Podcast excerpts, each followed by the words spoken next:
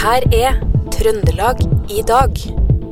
Nea Radios nyhetsmagasin. Innsatsleder i Trøndelag politidistrikt sier at han har aldri opplevd maken til frivillig innsats etter at den savna 51-åringen i Åren ble funnet i live på søndag. Helseplattformen ble tatt i bruk i seks nye kommuner natt til lørdag, og revyen Ad Undas imponerer i Selbu. Dette er noen av sakene du får høre mer om i Trøndelag i dag, mandag 14. november.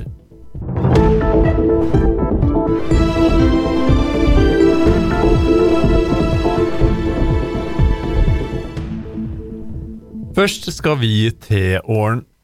Fordi søndag formiddag ble 51-åringen som har vært savna i Åren siden sist tirsdag kveld, funnet i live. Letinga var da inn i sitt sjette døgn, og hundrevis av frivillige og mannskaper fra Røde Kors, Norsk Folkehjelp, Norske redningshunder, Heimevernet, Sivilforsvaret, brannvesen og Speideren har deltatt i søket etter mannen. Innsatsleder Ole Stig Bjørhovde i Trøndelag politidistrikt sier at han har aldri opplevd maken. Eh, og folk har stått på dag og natt eh, og gjort en fantastisk innsats. Jeg tror aldri har opplevd maken. Eh, og det har vært eh, Norske kvinners sanitetsforening har vært til stede her og laga mat til alle frivillige og vi som har vært i innsatsstreik. Det er forpleining, fantastisk. Folk har vært ute og gått eh, i flere døgn på rad, nesten ikke sovet. Så det, den innsatsen som blir lagt ned av de frivillige her, er helt, helt, helt utrolig. Nøyaktig antall på hvem som har vært her, det er vanskelig å si, for det, mange har vært der mange dager. Mange har vært der. Men eh, i dag hadde vi nærmere 80 stykker ute i Teigen. Da. I går var vi kanskje over 100 stykker som søkte. Eh, og masse lokalkunnskap og et kjempeengasjement. Så det er helt utrolig. Så det er bygd med masse frivillige. Og, så det er bare å ta av seg hatten for. Det sa innsatsleder i Trøndelag politidistrikt, Ole Stig Bjørhovde. Reporter var Per Magne Moan. Helseplattformen ble tatt i bruk natt til lørdag ved St. Olavs hospital og i seks nye kommuner.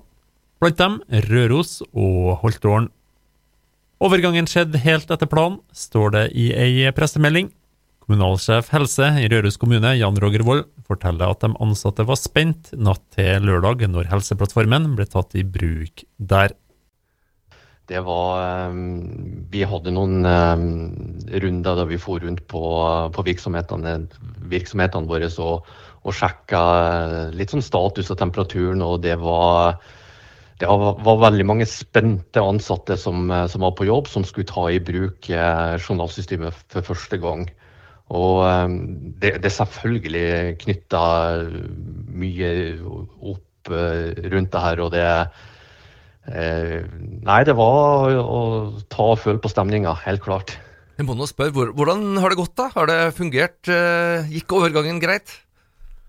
Overgangen gikk helt supert. Det har gått over all forventning. Det det har, jo, det har jo, fungert. Og, ehm, og, så vet en jo det at når en innfører et nytt system, så er det jo mye ting og tang som kan skje da. Og, men det har vært veldig lite med sånne store issues som har, ehm, som har vært problematisk. Det er jo alltid en del ting som vi må rette opp i, og som Helseplattformen eh, må jobbe med for, for, å få på plass.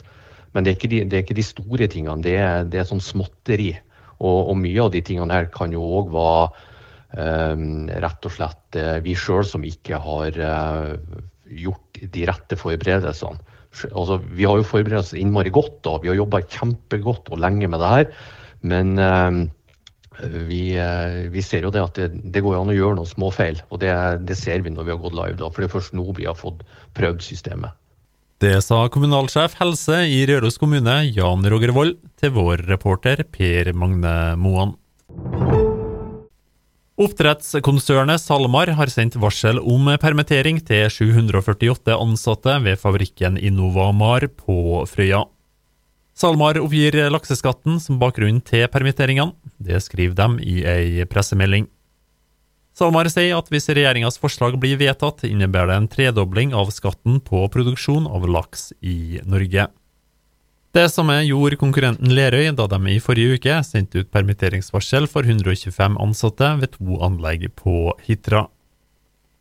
Piloten som fløy i helikopteret som styrta i Verdal 1.11, nekter straffskyld. Det skriver politiet i ei pressemelding etter de har avhørt piloten. Påtaleansvarlig politiadvokat Åsta Elden i Trøndelag politidistrikt sier at det er for tidlig å trekke konklusjoner om årsaken til ulykka. Dette er en tidskrevende etterforskning som vil fortsette med høy prioritet fremover, sier hun. Flere i Arbeiderpartiet slår knallhardt tilbake mot AUF-lederen sin kritikk av Trond Giske i debatten på NRK på torsdag. Det skriver NRK Trøndelag. Leder i Trondheim Ap, Hanne Mo Bjørnbeth, sier at hun mener at den typen personangrep som AUF-lederen kom med, må de rett og slett slutte med. Flere ledere i Arbeiderpartiet i Trøndelag kommer med støtte til Giske i samme artikkel. Bakgrunnen for uroen i partiet er forrige ukes måling, som viser at Arbeiderpartiet nå har en oppslutning på 16,9% Så skal vi over til politiloggen. En fotgjenger ble påkjørt ved Nonnegata i Trondheim rett etter klokka tolv i dag. Det melder politiet. Vedkommende var bevisst etter ulykken og ble tatt hånd om av helse. Skadeomfanget er ikke kjent. To personer er pågrepet etter en bilbrann ved Vår Frues kirke i Trondheim, melder politiet. Brannen var påtent, og det var flere bensinkanner ved bilen, og det var en stund fare for at bilen skulle eksplodere. Så skal vi over til andre nyheter. Hanne Lise Fasing fra Namsos og Hallgeir Oppdal fra Overhalla er Rødts toppduo til fylkestingsvalget i 2023.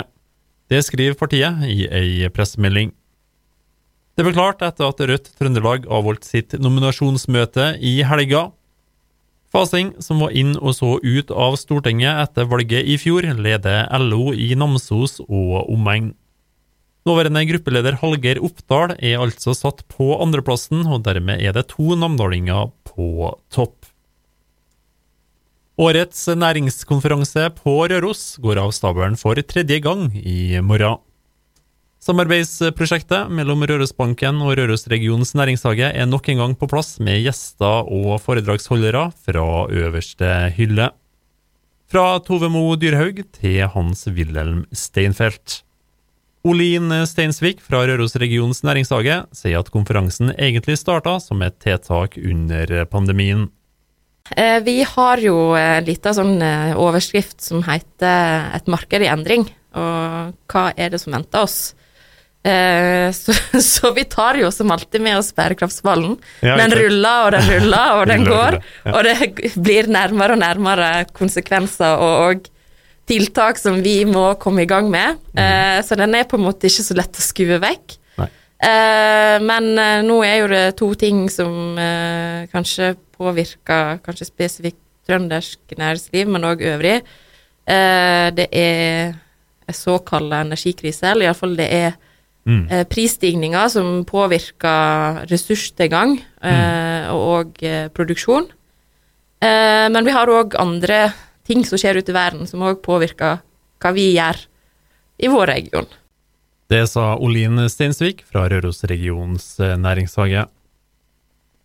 Nesten 900 Tensio-kunder ble berørt av en strømstans i Trondheim i formiddag, ifølge Tensio si nettside.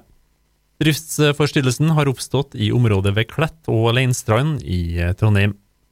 Tensio sier at det har oppstått en feil i det elektriske nettet, som har ført til avbrudd i strømforsyninga. Så skal vi over til kultur. Et eh, stort antall ungdommer i all aldre på, bak og foran scenen imponerer stort på revyen Ad Undas i Vikvarvet i Selbu. Vi spurte en av aktørene Pål Kjøsnes Aftrett det klassiske spørsmålet man stiller enhver som har kommet i mål, i dette tilfellet etter endt forestilling. Hva føler du nå?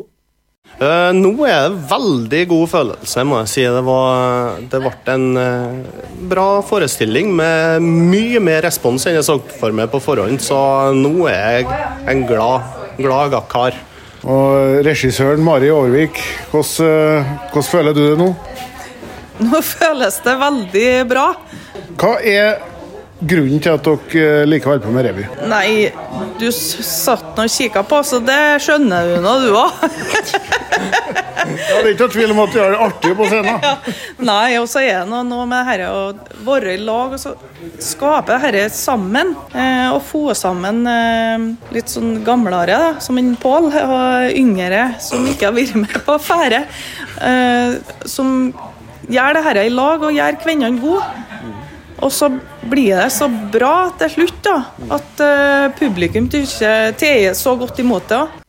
Det sa regissør Mari Overvik. Du hørte også Pål Kjøsnes Aftrett snakke med vår reporter Stian Elverum. Trøndelag i dag, mandag 14. november, fikk du fra Iver Valldal Lillegjerdet.